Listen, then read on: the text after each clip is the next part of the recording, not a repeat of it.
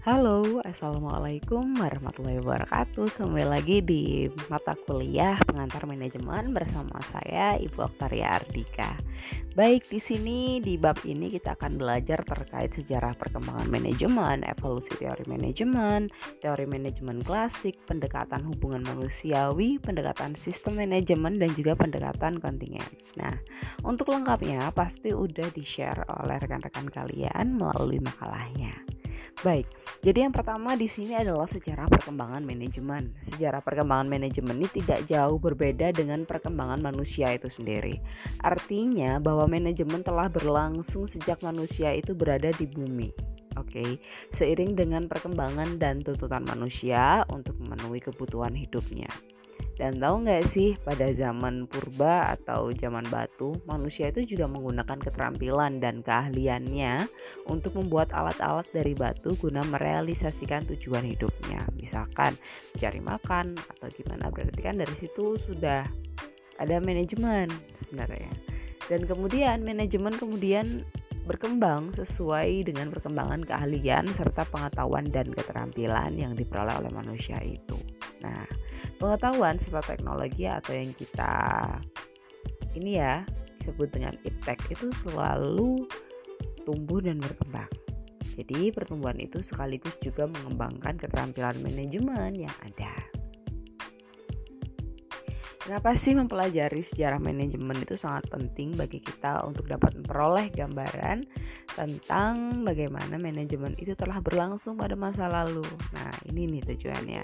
Terus bagaimana kemudian manajemen tersebut berkembang, prinsip-prinsip apa yang dikembangkan di masa lalu dan bagaimana manajemen tersebut berlangsung hingga hari ini dan akhirnya kita harus mempelajari juga dan mengantisipasi perkembangan di masa mendatang yang tentu saja akan menentukan arah pertumbuhan manajemen itu sendiri.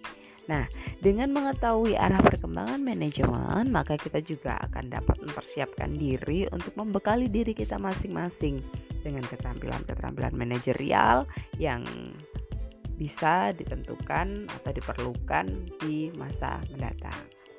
Untuk memperjelas, ya, jadi yang pertama ini langsung aja terkait evolusi teori manajemen. Nah, menurut teori manajemen ilmiah, ini gerakan manajemen ilmiah telah dimulai sekitar abad lalu, ya, akhir abad yang lalu, di mana para insinyur Amerika Serikat dan Eropa mencari dan mengembangkan cara-cara baru untuk mengelola suatu perusahaan.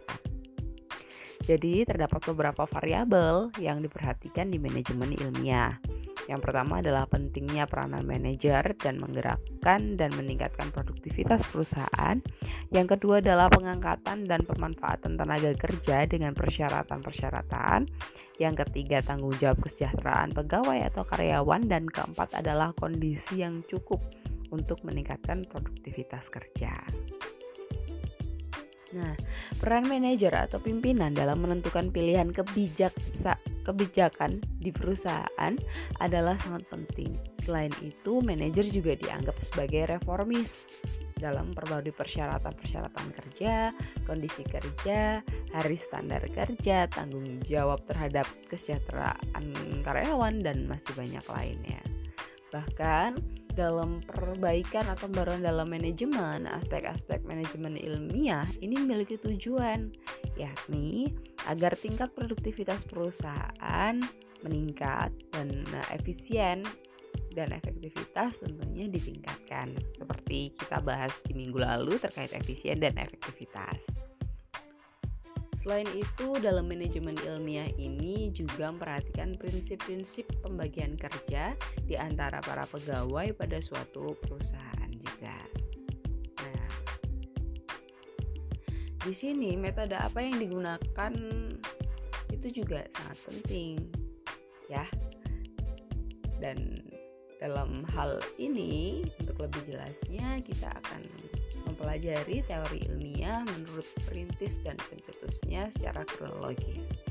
Jadi menurut Robert Owen di tahun 1771 hingga 1858 ya jadi dia merupakan manajer beberapa pabrik pemintal kapas di New Lanark, Skotlandia semenjak tahun 1800-an dan dalam teori ini dia menekankan tentang peranan sumber daya manusia sebagai kunci keberhasilan perusahaan khususnya peranan jabatan manajer atau kader yang harus berfungsi sebagai reformis atau pembaru dalam manajemen sumber daya manusia ini.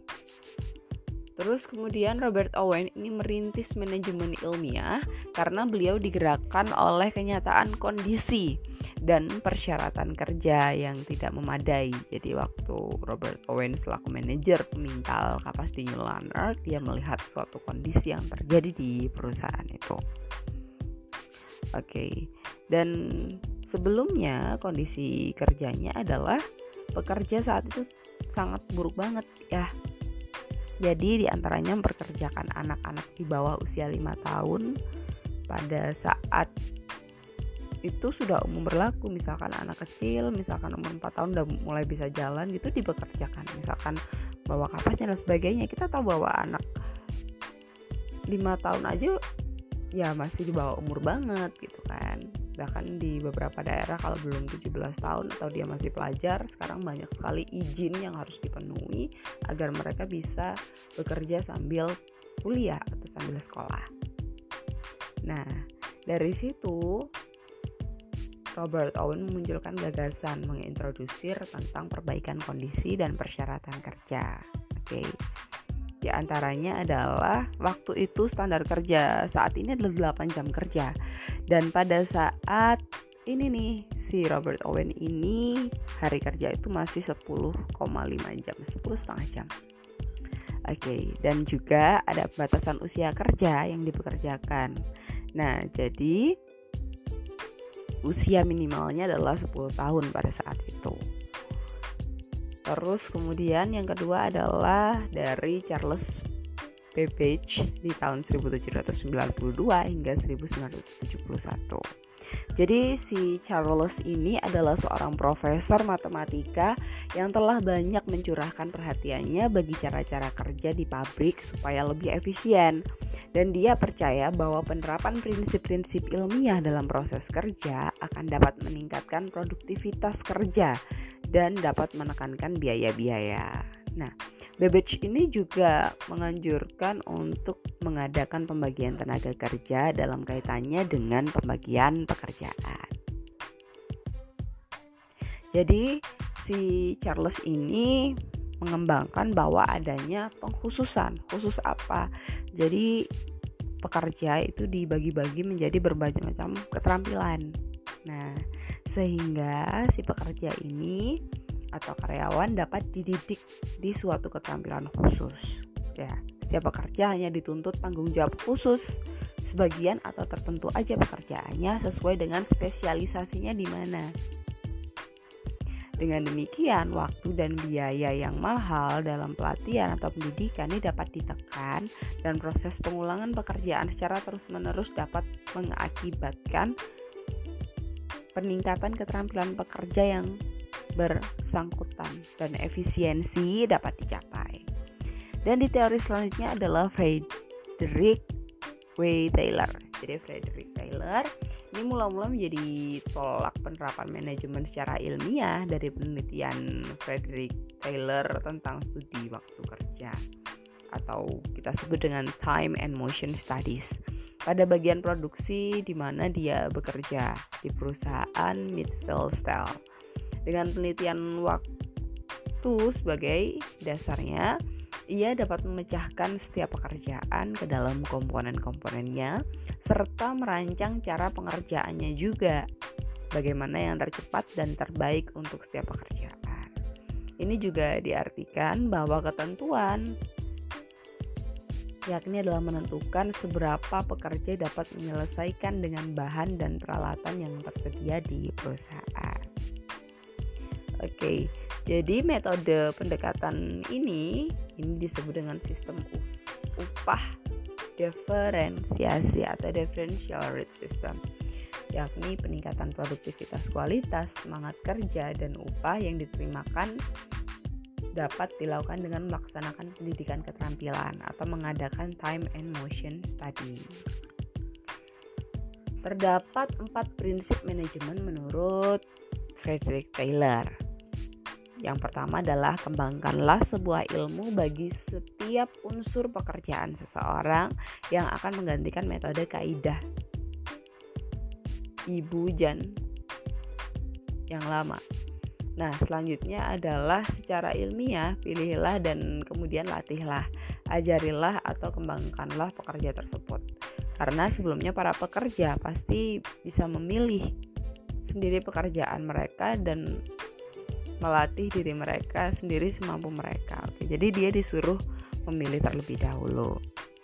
Selanjutnya adalah bekerja samalah secara ini, secara sungguh-sungguh ya. Jadi bekerja sama dengan sungguh-sungguh dengan pekerja tentunya akan menjamin bahwa semua pekerjaan dilaksanakan sesuai dengan prinsip-prinsip ilmu yang dikembangkan.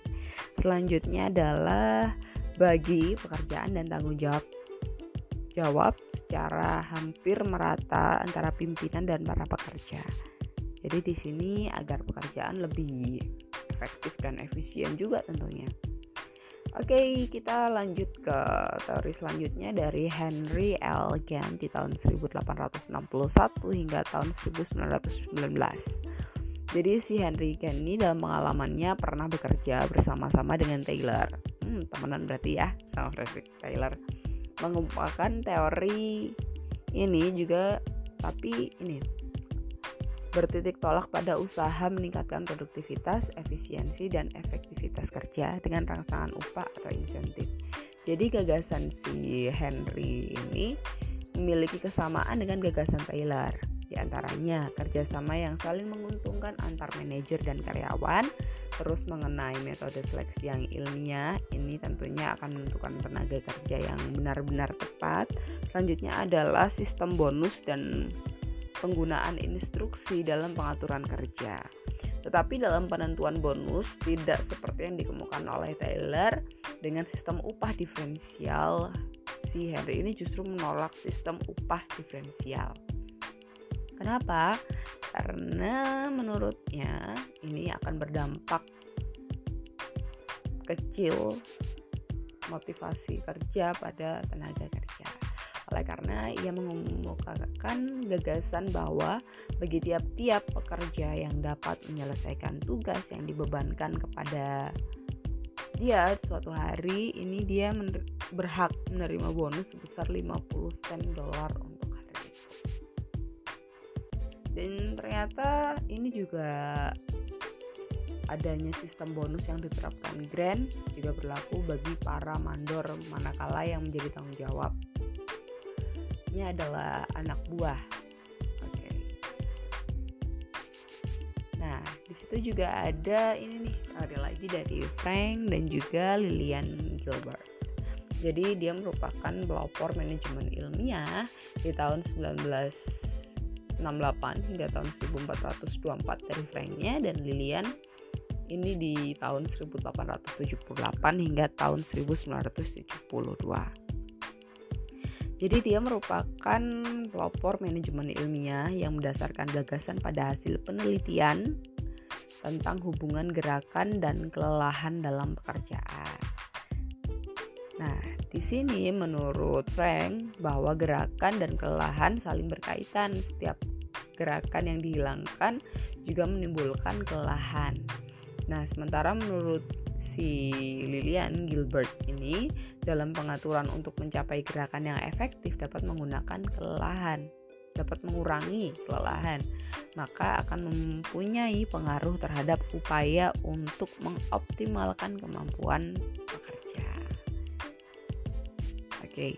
Jadi di sini menurut kedua tokoh ini bahwa ini ya gerakan akan meningkatkan semangat bagi pekerja dan tentunya adanya keuntungan-keuntungan fisik terhadap pekerja itu sendiri yang harus memanfaatkan kemampuan secara optimal. Okay, dan selanjutnya adalah ada teori dari Harrington Emerson di tahun 1853 hingga tahun 1931. Jadi si Harrington Emerson ini melihat bahwa penyakit yang mengganggu sistem manajemen di dalam industri ini adalah adanya masalah pemborosan dan inefisiensi.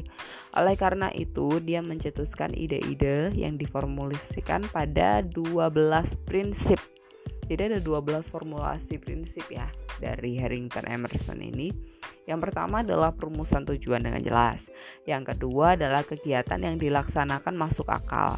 Terus tersedianya staf yang cakap. Dan keempat adalah terciptanya disiplin kerja. Kelima, pemberian balas yang adil. Terus jadi kinerjanya itu dihargai gitu loh. Yang keenam laporan terpercaya cepat tepat dan kontinu. Yang ke tujuh ini pemberian instruksi perencanaan dari urutan-urutan kerja. Terus yang ke delapan adanya standar-standar dan schedule atau metode waktu. Metodenya seperti apa terus dilakukannya kapan. Nah di kesembilan adalah kondisi standar seperti apa yang ke sepuluh operasi standar terus yang ke sebelas instruksi-instruksi praktis tertulis standar dan yang terakhir adalah balas jasa efisien secara insentif Oke, okay, ini yang telah kita pelajari hari ini dan masih ada ini nih teori manajemen klasik. Jadi sebenarnya ada beberapa. Yang pertama dari Henry Fayol. Henry Fayol ini di tahun 1941 hingga tahun 1925. Jadi jadi dia adalah seorang industriawan Perancis yang kemudian terkenal sebagai bapak manajemen operasional, mengembangkan manajemen sebagaimana yang dikemukakan dalam buku yang terkenal. Apa coba? ya, Administration Industrial Generally. Jadi file ini berpendapat bahwa dalam perusahaan industri, kegiatan-kegiatan yang dilaksanakan manajemen dapat dibagi dalam empat kelompok tugas. Yang pertama itu adalah teknikal, yang merupakan kegiatan produksi dan membuat produk. Kegiatan meliputi merencanakan dan mengorganisir produk.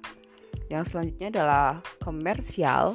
Ini meliputi kegiatan membeli bahan-bahan yang dibutuhkan dan menjual barang hasil produksi. Dan yang ketiga adalah financial. Jadi kegiatan pembelanjaan. Jadi lebih ke, ke keuangannya ya. Selanjutnya adalah security, yaitu kegiatan yang dilakukan untuk menjaga keamanan, jadi keselamatan kerja, terus juga harta benda yang dimiliki perusahaan.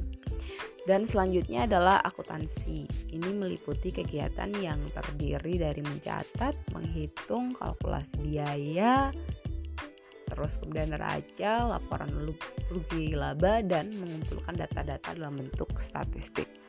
Dan yang terakhir dari ini ya, dari si Henry Fayol ini adalah tugas manajerial. Apa sih tugasnya? Yakni melaksanakan fungsi-fungsi yang ada dalam manajemen.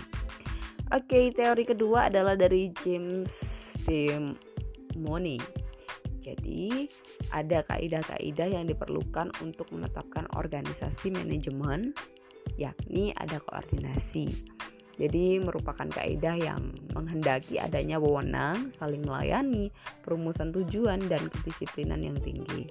Selanjutnya ada prinsip skalar. Jadi suatu prinsip yang mendefinisikan tentang hubungan kepemimpinan, pendelegasian, dan antar fungsi-fungsi yang dibutuhkan.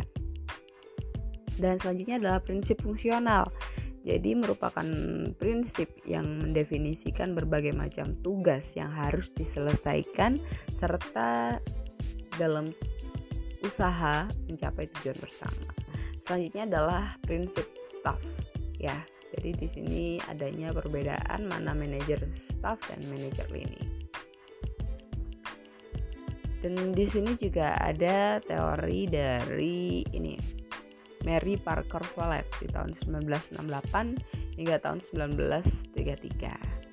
Jadi sumbangannya dari sini, jadi si Follett itu dalam Dynamic Administration, The Collected Papers of Mary Parker Follett berpendapat bahwa dengan membuat karyawan mereka merasa memiliki perusahaan, akan tercipta rasa tanggung jawab kolektif. Nah, tentunya akan sangat bagus sekali berdampak pada perusahaan. Selanjutnya ada teori dari Caster I. Barnard di tahun 1986 hingga 1961. Jadi dia memandang organisasi sebagai sistem kegiatan yang diarahkan pada tujuan.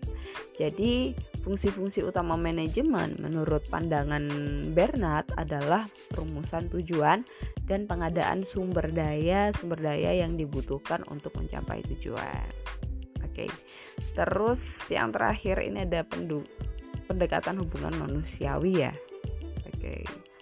Jadi perkembangan berikutnya manajemen dimulai sekitar 1930 dan menjadi populer di tahun 1950-an yakni manajemen yang banyak memberikan perhatian terhadap hubungan kemanusiaan kepada karyawannya. Oke. Terus di sini saya juga akan membahas terkait studi Hawthorne. Ini adalah studi yang dilakukan sebuah kelompok yang dipimpin oleh Elton Mayo. Mereka meneliti lebih lanjut tentang efek kelelahan karyawan terhadap output yang dihasilkan supaya terbebas dari gangguan efek psikologis seperti yang pernah terjadi saat penelitian tentang sebelumnya tes yang dilakukan terhadap enam karyawan yang bekerja pada relay assembly ya jadi mereka dipisahkan dan diteliti dalam suatu ruangan tes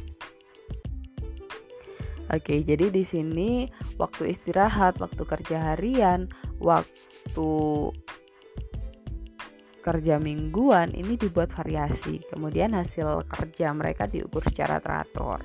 Nah, dalam penelitian ini, para peneliti tidak berhasil menemukan hubungan langsung antara perubahan kondisi kerja secara fisik dengan output. Jadi, produktivitas tetap meningkat terlepas apakah perubahan tersebut dilakukan ataupun tidak.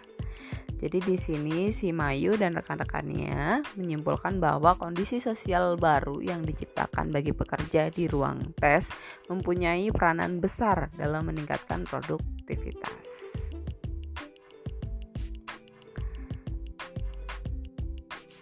Oke, jadi mungkin ini adalah beberapa yang saya share kali ini di pertemuan kali ini ya. Terus kemudian untuk yang lainnya diskusi selanjutnya silakan untuk kelompok share materi dan juga tanya jawab ada tiga pertanyaan didiskusikan dijawab oleh kelompok.